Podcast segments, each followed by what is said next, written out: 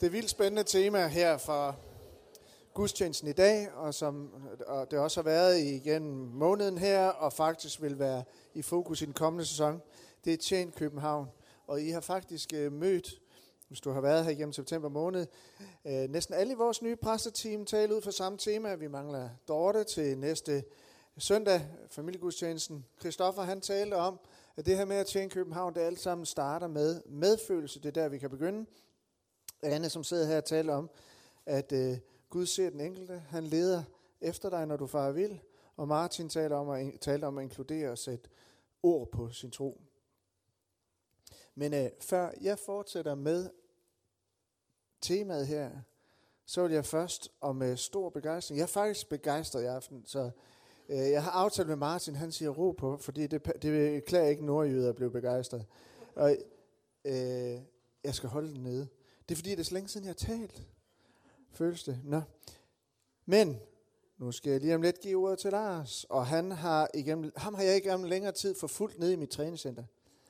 Mens Lars, øh, som er gift med Anita, og har lille, øh, hvad det hedder, e-, er det Emmy? Emily, ja. Så øh, mens Lars han har siddet svedende på motionscyklen, så har jeg inviteret ham til netværksgruppe, hvilket gentog sig flere gange, indtil jeg faktisk synes, jeg ikke kunne lide mig selv mere. Altså, jeg synes, det blev næsten for meget. Jeg har plaget ham, jeg har stalket ham, jeg har været irriterende, inviterende. Undskyld, Lars. Og det, Lars han gør, det burde vi alle sammen gøre noget mere. Og dermed mener jeg ikke svede træne på motionscyklen, det burde vi også gøre. Men jeg taler om, det som Lars gør nu, det er at dele vores helt ærlige historie om os selv og om Gud i vores liv. Så vi alle sammen kan blive en lille smule mere forstået, og måske en lille smule mindre ensomme. Tag godt imod Lars, for det han gør her, det er et vågestykke, det kræver en viking. Kom Lars.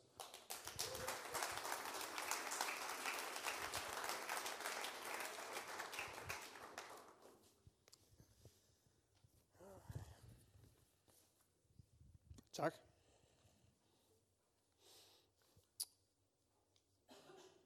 Da jeg sad ned på stolen, så øh, kunne jeg godt mærke, at jeg kom til sådan lidt dilemma, fordi at bruge den samme joke to gange, både morgen og aften, det, øh, det er der jo nogen, der mener, at det er sådan en mangel på format.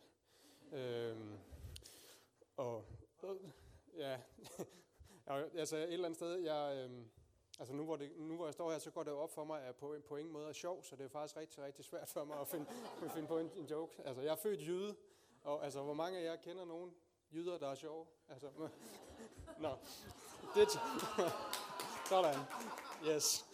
Nå, det var min intro. Øhm, som sagt, Flemming han øh, spurgte mig sidste uge, om, øh, om jeg kunne have lyst til at fortælle min historie. Og øh, han gjorde det meget klart for en start, at nu kommer den nu så alligevel åbenbart den samme joke øh, morgen og aften. Øhm, han gjorde det meget klart for en start, at jeg vil få hele syv minutter. Og syv minutter, det er det, der, det, er det man bruger på at ryge en god smøg. Øhm, og jeg må sige, at jeg er ikke sådan noget særligt stort menneske, så jeg blev selvfølgelig enormt skuffet over, at han kun kunne tildele mig syv minutter. Men øh, det er kommet mig over løbet af dagen. Nå, når det er sagt, så er det sidste 10, 15, 20 år måske, vil jeg betegne mig som værende en person, som har befundet mig med det, der betegnes som en troskrise eller manglende trosidentitet. Jeg har igennem årene kommet under over ved forskellige kirker, øh, men jeg har aldrig nogensinde følt, at det har været rart at komme der. Jeg er nok mest af alt kommet i forskellige kirker, fordi jeg har en børnelært om.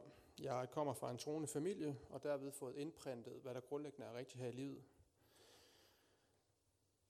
Du tænker måske, at hvis man har haft en troskrise mellem 10, 15, 20 år, så er det vel et udtryk for, at jeg aldrig nogensinde har taget aktiv stilling til det at have en tro, eller grundlæggende, så kan man sige, at han, tror nok, han har nok aldrig troet på Gud. Og du har givetvis ret, hvis du sidder med den antagelse. De mange kirkeskift, eller de kortere og længere pauser, som jeg har holdt, har jeg følt mig nødsat til at holde, mest af alt på grund af min historie.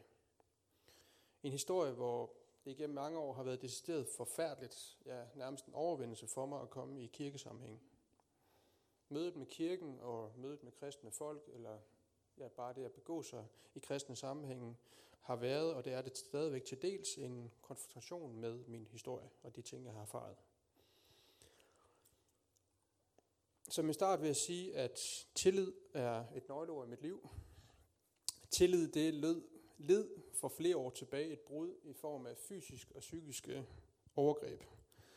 At, ud, at blive udsat for voldsomme traumatiske hændelser er noget, det gør bare noget grundlæggende ved ens tillid til en selv, til andre og det op ovenpå, eller til Gud. Det har medført, at jeg har følt mig såret, og når man er såret, så gør man alt for at beskytte sig selv. Man trækker følehornene til sig.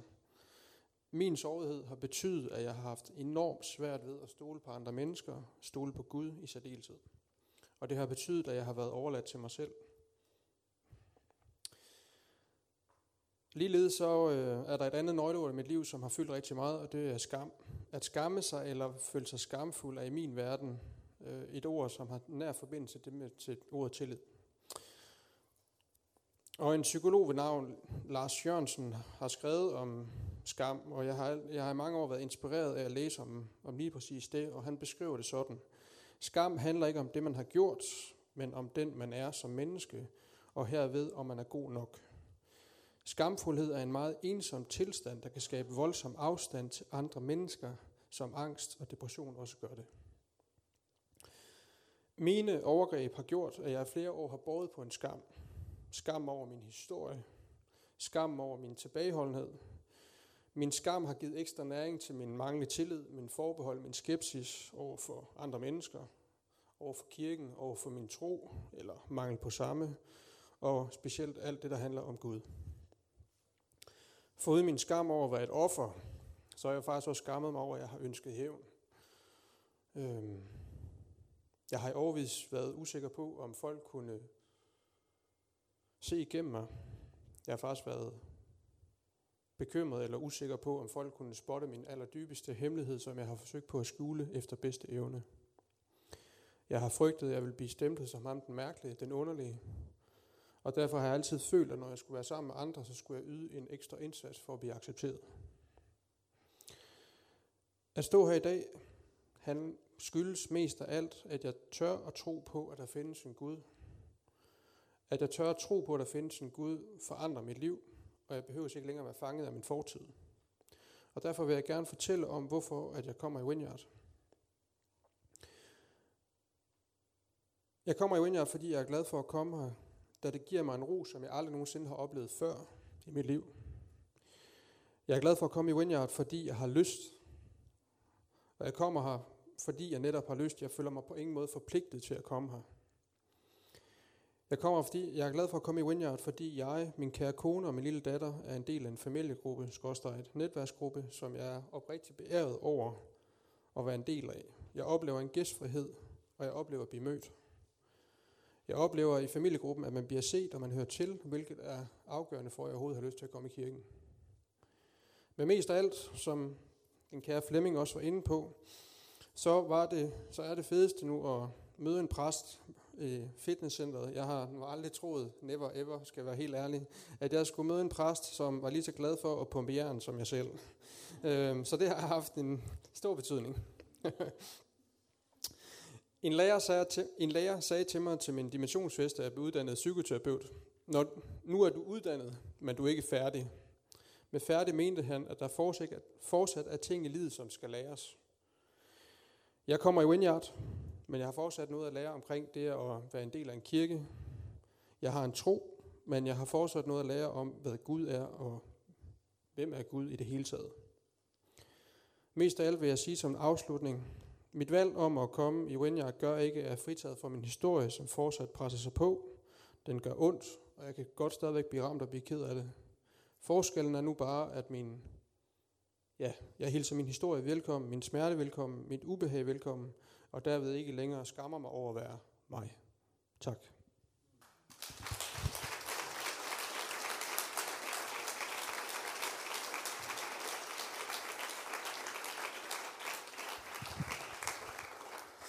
Ja. Tak, Lars. Det gør noget ved os, når vi deler vores historie med hinanden. Og hvis du har lyst til at dele din historie om, hvad Gud har gjort i livet, så kom og snak med en af os øh, præster. Vi vil gerne høre historien. Og øh, jeg vil selv prøve at følge Lars forbillede. Jeg har været sådan lidt i tvivl om, min, øh, jeg og min familie har gået rigtig meget igennem de sidste 4-5 måneder. Nogle af jer vil vide det, andre vil, vil ikke vide det. Jeg fortæller ikke lige præcis, hvad det er. Det kan du spørge om, fordi vi orker ikke at tale om det hele tiden. Men øh, de andre synes, vi skulle fortælle bare en lille smule om, øh, ligesom, hvordan vi har det. Og, og jeg kan fortælle, at øh, Anna og jeg og Mads, vi har på 16 stadigvæk boende hjemme. Vi er flyttet til en, en lækker by, der hedder Gerlev, hvor der bor 775 indbyggere. Der er i Gerlev Downtown et gadekær. Der er et supermarked. Det tog jeg et billede af lige i morges, for I kunne se, hvordan det ser ud. Det kommer... Nå. Men det var bare så vigtigt. Eller så uvigtigt. Men nu er det her. Ja. Og øh, ja, der er øh, 1000 meter vand, en fantastisk natur. Og så især er der vores øh, ældste søn William og hans kone Lisbeth og lille Elvira, vores første barnbarn. Og øh, dem vil vi rigtig gerne være sammen med de næste år. Og øh, vi gennemgår altså en kæmpe op- omvæltninger og blev nødt til at begynde et nyt kapitel. Og det at flytte nærmere familien, det var en del af det. Og øh, det har været rigtig øh, svært at rumme så mange omvæltninger, vi skulle igennem, og samtidig træffe de rette beslutninger, og er nok også stadigvæk lidt presset øh, under min overlov. Øh, og lige da vi endelig skulle tage beslutninger om at flytte, altså det skal man ikke tage som beslutninger midt i, når man er alt op og vende, øh, så satte jeg mig og ned i måske sommerens eneste solstråle. Er vi ikke glade for den sommer forbi? Det må jo ikke være at gemme på. Pisse dårlig sommer. Men så tænkte jeg, selvom jeg ikke har haft meget mod på at læse i Bibelen, jeg kunne da lige læse lidt i Bibelen der, og nu er der gået en del uger, jeg kun læser sms-opmundringer fra folk. Øh, så øh, jeg satte mig til rette, og øh, det at vores øh, højt elskede naboer og venner havde tilbudt os deres støtte, de havde overbedt os om øh, at blive boende, lad os støtte jer. Det gjorde det bestemt ikke nemmere at tage beslutningen.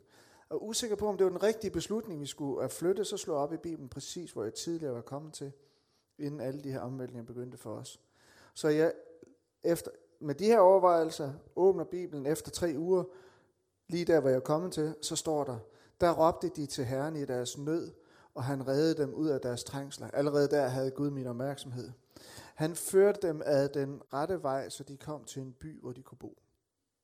Så det var så tydeligt, så jeg, siden da jeg bare har bedt om over vores nye hjem, at Guds nærvær bare må være på den der matrikel helt vildt.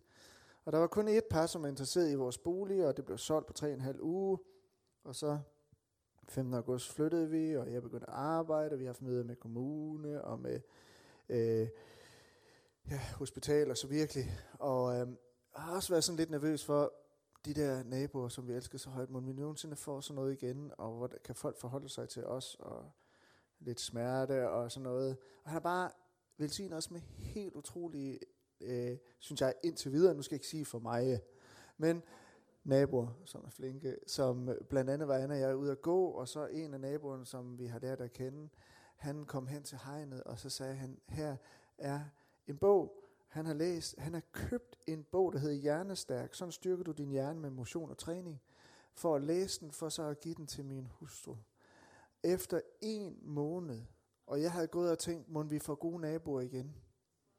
Så hvor mange går lige ind på nettet og bestiller sådan noget, køber og investerer for at læse den, for så at give den med. Altså, jeg, det er bare utrolig rørende. Jeg sagde til Anne, det er rørende, er det ikke? Jo. Det,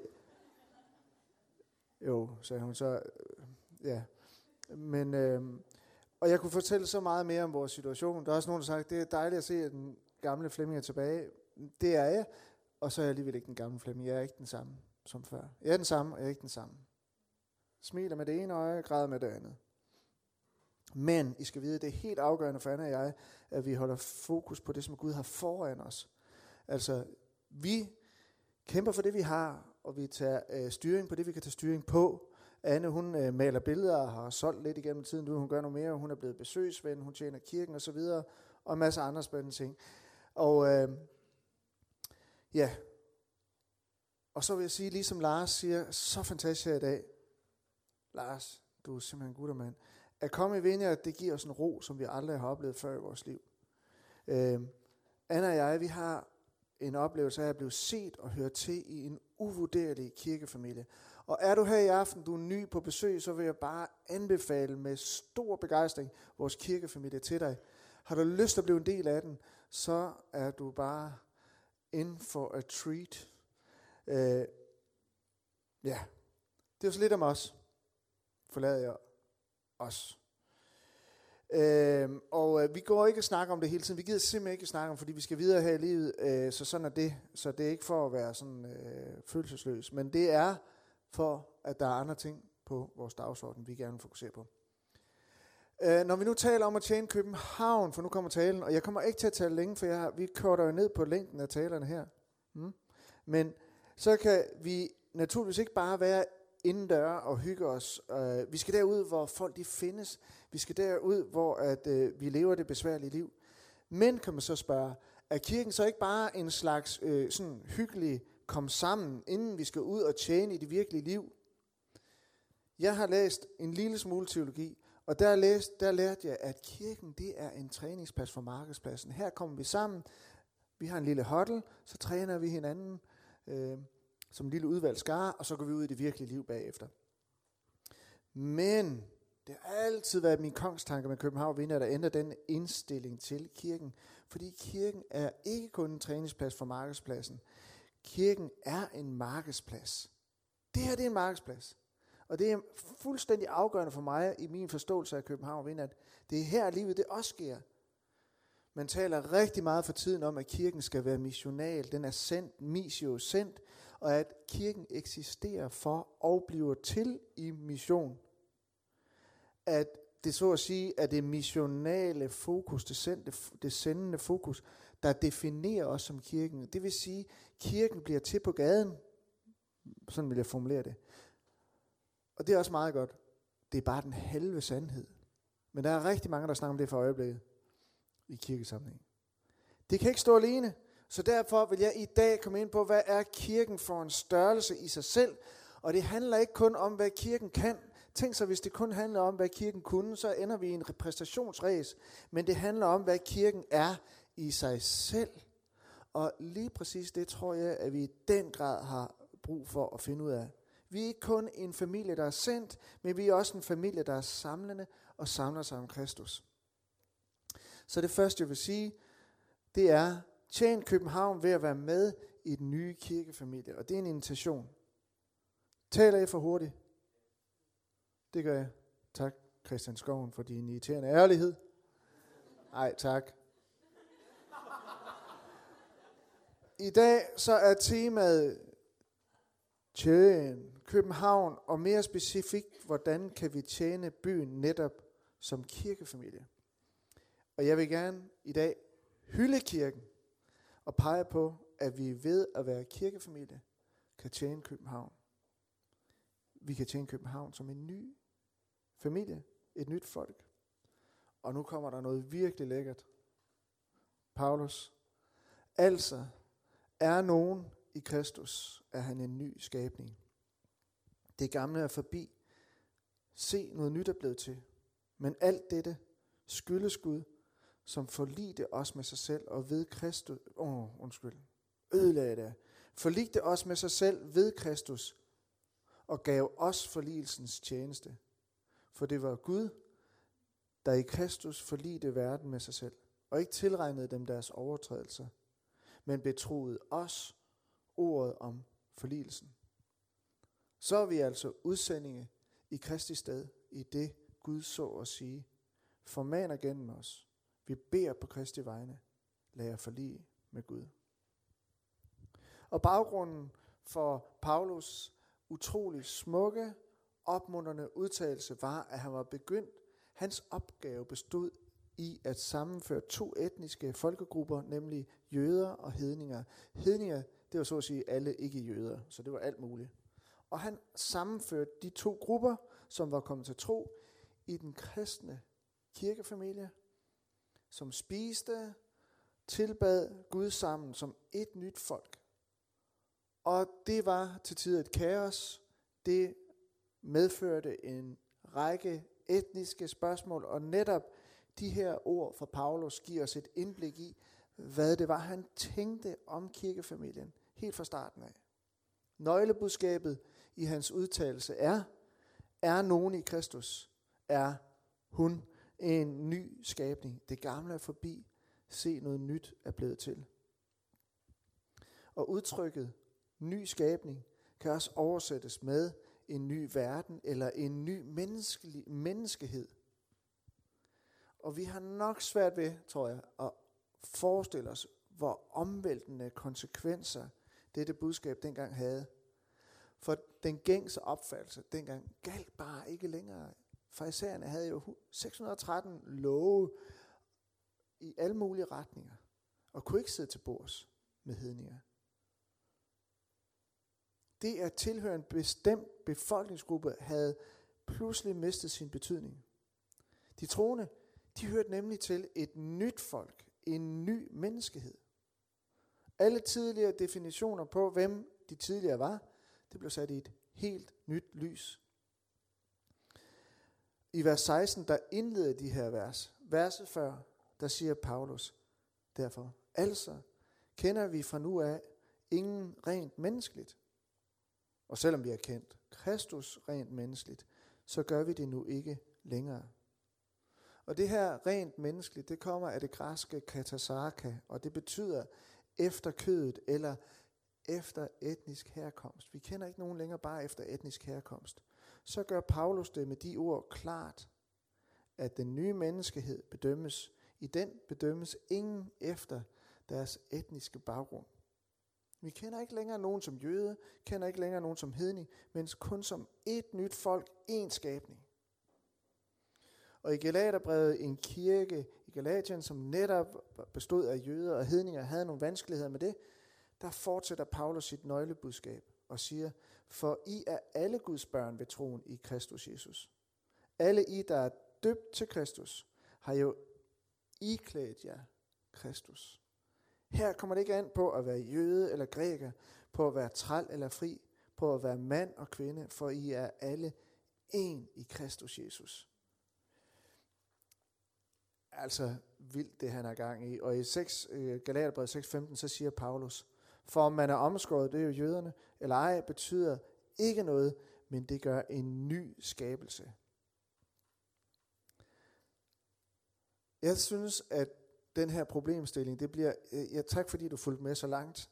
Jeg synes, det bliver lidt mindre langhåret, hvis vi et øjeblik bare tænker på de tværkulturelle udfordringer, vi står med i vores samfund i dag, i København. Og jeg synes, Paulus ord giver fornyet mening. Som kirkefamilie, der er vi et nyt folk. Vi er en ny skabning. Prøv at tænke, tænk over, hvilket budskab kirken, hvor alle etniske barriere er brudt ned, at det kunne tjene vores byer med. Noget lignende finder vi i Efeserbrevet 2, øh, blev siddende, afslappet og nyd de her smukke ord. Men nu, da I er i Kristus Jesus, er I, som engang var langt borte, ved Kristi blod kommet nær, for han er vor fred. Han gjorde de to parter, altså de to etniske grupper, til ét, og med sin læmelige død nedrev han den mur af fjendskab, som skilte os.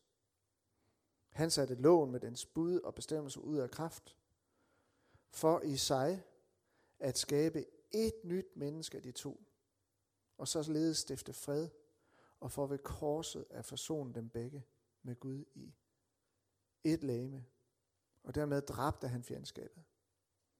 Og han kom og forkyndte fred for jer, der var langt borte, og fred for dem, der var nær. For gennem ham har både vi og I i en ånd adgang til faderen. Hvad siger du så? Er det ikke lækkert at læse i Bibelen? Og nøgleordene i den her tekst, det er fred, det er et nyt menneske, og det har en social betydning. Et nyt menneske er en ny menneskehed. Muren mellem jøder og hedninger, og følgelig også barriererne mellem slaveri, køn, socialklasse, er revet bort med korset og opstandelsen. Og er det ikke fantastisk, at vi som København Vineyard sammen med de andre kirker i København, vi har akkurat det samme budskab i dag. Vi skal tjene København som tværkulturelt fællesskab, hvor barriererne mellem slaveri, for det har vi også i København i dag, socialklasse, etnisk mangfoldighed er fjernet. Eller sagt med nogle helt andre ord, vi skal involvere os i København som inkluderende kirkefamilie. Vi skal være det håbefulde svar, både for København og for Paulsen snakker også om, at kirken den er et eksempel, den er et svar for magterne, åndelige magter og myndigheder i himmelrum. Han kommer helt ud i de kosmiske hjørner. Og jeg har tænkt på det her fællesskab, vi har her søndag aften. Jeg har virkelig spekuleret over det, det vi flere, der har. Og vi vil bare gerne gøre det så godt og så relevant som overhovedet muligt. Og vi snakker om, hvad kan vi gøre?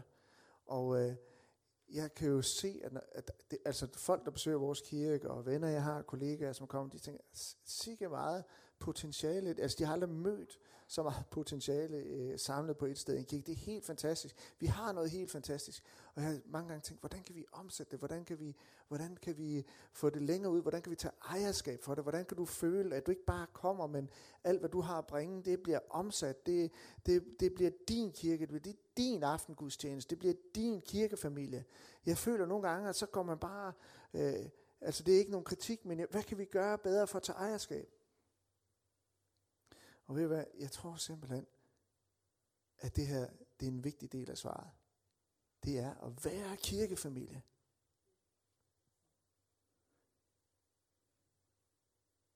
Hvad betyder det i praksis? Jamen det betyder, at der sker bare noget inde i os, hvis en spørger mig, hvordan går det dig, Flemming? Hvordan går det? Eller en, der ringer eller sender en sms. Eller hvis du går på café, man er tre og fire går på café, og ringer lige til den femte, siger, vi er på café, vil du ikke også med? Hvordan går det? Måske der er en, du forpligter. Jeg havde en ven, som sagde, jeg vil faste for jeres situation hver fredag i september måned. Prøv lige at tænke sig, hvor meget mere vi kan være familie for hinanden. Det her, det er vejen at gå. Det er at blive mere familie, det er det, vi skal dykke ned i at forstå. Og det starter alt sammen med kærlighed. Og så skal vi som den nye familie tilbyde en helt ny identitet. Vi skal tilbyde et nyt socialt fællesskab. Vi skal tilbyde en ny samhørighed. Vi kommer med en ny brobygning over alle sociale adskillelser i vores samfund. Vi er en ny menneskehed. Vi er i Kristus. Ikke at vores forskelligheder, for de er jo lækre nok, ikke at de skal smeltes sammen og udviskes, men derimod består den nye skabning i, at alle barriere, som skiller os, de fjernes. Det Paulus siger, det er, og det er også derfor, vi siger, inkludere, inkludere og bryde ind og snakke. Murene er fjernet. Korset omslutter os alle. Paulus budskab, det er, at to etniske folkegrupper, to kulturer, to folks historier, er blevet korsbefrugtet. Og at en ny menneskehed, en ny skabning er opstået. Og København vinder, at vi er ikke bare summen af individer præsenteret her i aften. Vi er langt mere end det. Og det helt fantastiske er jo, at det vi er, det er vi kun sammen. Hvor er det vildt, fantastisk og totalt timet, tilrettelagt og lækkert, at det her kirke, det kan du ikke finde ud af alene. Det er kun noget, vi kan gøre sammen, og sammen bliver det så mere end det, vi er hver for sig. Vi er den nye skabning, som kommer til at skabe ny kultur og forandre historien. Vi forandrer Danmark en kirke ad gangen. Jeg elsker, ja det kan godt være, I troede, at Dietrich Bonhoeffer, ham skulle vi ikke snakke mere om her, men det skal vi lige i aften. Det er fuldstændig vanvittigt, det han siger, og det er bare provokerende. Uden for kirken, som er det nye menneske, altså kirken nye menneske, findes kun det gamle splittede menneske. Kristus er den nye menneskeslægt i nye mennesker. Kristus er kirken. Han er vildt radikal. Ingen bliver et nyt menneske på anden måde end gennem Kristi lame i menigheden. At blive et nyt menneske vil sige at komme ind i menigheden. Du bliver det nye menneske ved at være med i en lokal kirke. Kristus er kirken. Og som et Guds rige forbillede og forgænger, så præsenterer vi den her nye menneskehedsidentitet, samtidig social virkelighed for København. Vi bliver tegn for København. Vi er modvægten mod racisme. Vi har helt enkelt til opgave med at være en kirkefamilie, at gøre verden mere menneskelig. Når jeg nogle gange er lidt trist, så tænker jeg, jeg skal ind i min kirkefamilie. Fordi der er det som om, at livet det står på de rigtige ben der. Det er som om, at livet bliver mere virkeligt for mig på den rigtige måde. Vi skal gøre verden mere menneskelig. Ikke som en præstation, fordi det er selve Guds værk gennem os. Gud gør, hvad øh, øh, udfører det, som, som han siger. Og vi er den nye virkelighed, som reflekterer hans lys. Det er også derfor, det gerne skulle være så radikalt anderledes at træde ind af døren her på Nyvej 7. Det skal være noget anderledes her på markedspladsen. Og der er så mange herinde, der kan fortælle, at de er blevet inkluderet på en måde, så det har forandret noget i deres liv.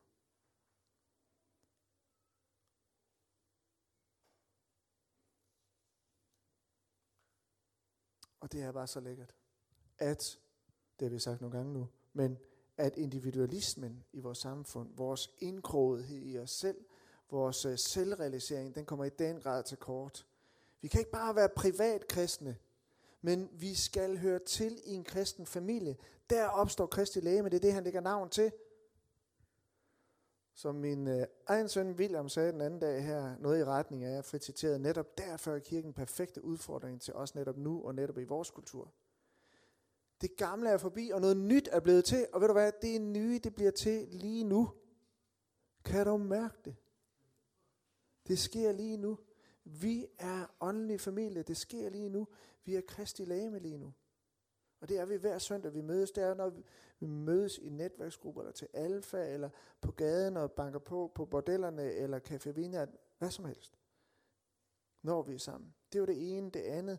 Tjen København ved at elske din kirkefamilie. Og min tanke var i aften her, at når jeg endelig skulle tale igen, at så skulle der være en hyldest til kirken. Vi er bare mange, der er så taknemmelige for den her kirke, og i dag så skal den have thumbs up. Jo mere vi elsker den her kirke, og jo mere den kærlighed binder os sammen, jo nærmere kommer vi den nye skabning, det nye menneske i Kristus. Jo mere føler vi, at det her det er vores sted, jo mere føler vi, at vi kan bidrage med noget, jo mere kan vi tage ejerskab, jo mere gør det en forskel. Så jeg vil bare opmuntre dig til, elsk kirken mere. Vær mere familie for hinanden. Får du en indskydelse om en tredje person, så vær det du kan være. Bryd ind. Anna og jeg har altid elsket kirken, og vi har gennem de sidste fire måneder fået lov at genopleve, hvor stort og stærkt det er at være med i en kirke familie, og vi kunne simpelthen ikke klare os uden. Det er nemt at få øje på alle manglerne i vores fællesskab, men også, også få øje på, hvor fantastisk en kirkefamilie vi har. Det har gjort vores liv mere virkeligt og mere menneskeligt. Den har været og er fortsat en uvurderlig støtte. Og vi elsker at komme om søndagen. Vi elsker at inkludere nye mennesker. Jeg ved godt, der er nogen, der har travlt med at kritisere kirke, og det er da klart, vi skal tage imod. Jeg har da selv, øh, kan også blive irriteret på kirke. Min bror kom en dag og fortalte mig, hvordan er det tiden? Jeg er, næst, jeg er, færdig, jeg er færdig. Tiden. Min bror han kom og sagde til mig, øh, jeg skulle mødes med min kone i en lille kirke. Og øh, de har sat hinanden stævne, så han kom først. Og i den kirke, der var der nogle ældre, som sad og spiste kage og drak kaffe. Og øh, min bror træder ind ad døren, plejer ikke at komme der, så er der en, der kigger op. Nu er vi i Jylland. Og så siger han, hun er ovenpå. Hun er ovenpå. Og så fandt de hinanden. Det var sådan set bare det. Det var den historie. Men det, ja, da jeg hørte den, jeg blev da sindssyg. Hold fast, hvor er det træls. Prøv at høre, I har været i kirke så længe. Nu skal I bare ikke have lov at være i kirke mere.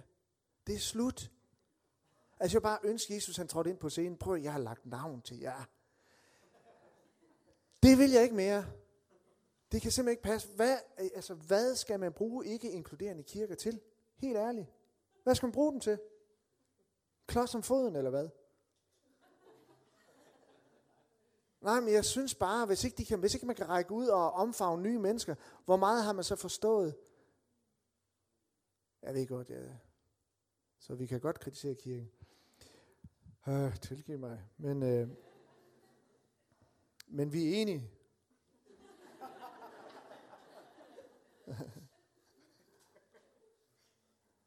ja. Så jeg tror bare, og det var mit budskab i aften, vi skal vælge at være kirkefamilie, og vi skal vælge at elske. Kristus selv tog klart stilling til kirken. Paulus taler om ægteskabets kærlighed, og så siger han, men elsk jeres hustruer, ligesom Kristus har elsket kirken og givet sig hen for den. Og det jeg gerne vil fremhæve til sidst, det er bare, Kristus han elskede kirken til døde. Han lagde navn til kirken, han kaldte den for sit læme, og han stiftede den med sit eget blod. Helt konkret blev den allerførste kirke øh, til, tror jeg, ved foden af hans kors, hvor han sagde, kvinde, der er din søn, og til disciplen Johannes, den elskede, sagde han, der er din mor. Der var de for hinanden. Og det er det kirkefamilie er. Med de ord, så blev kirken til, og efter Jesus han døde for den.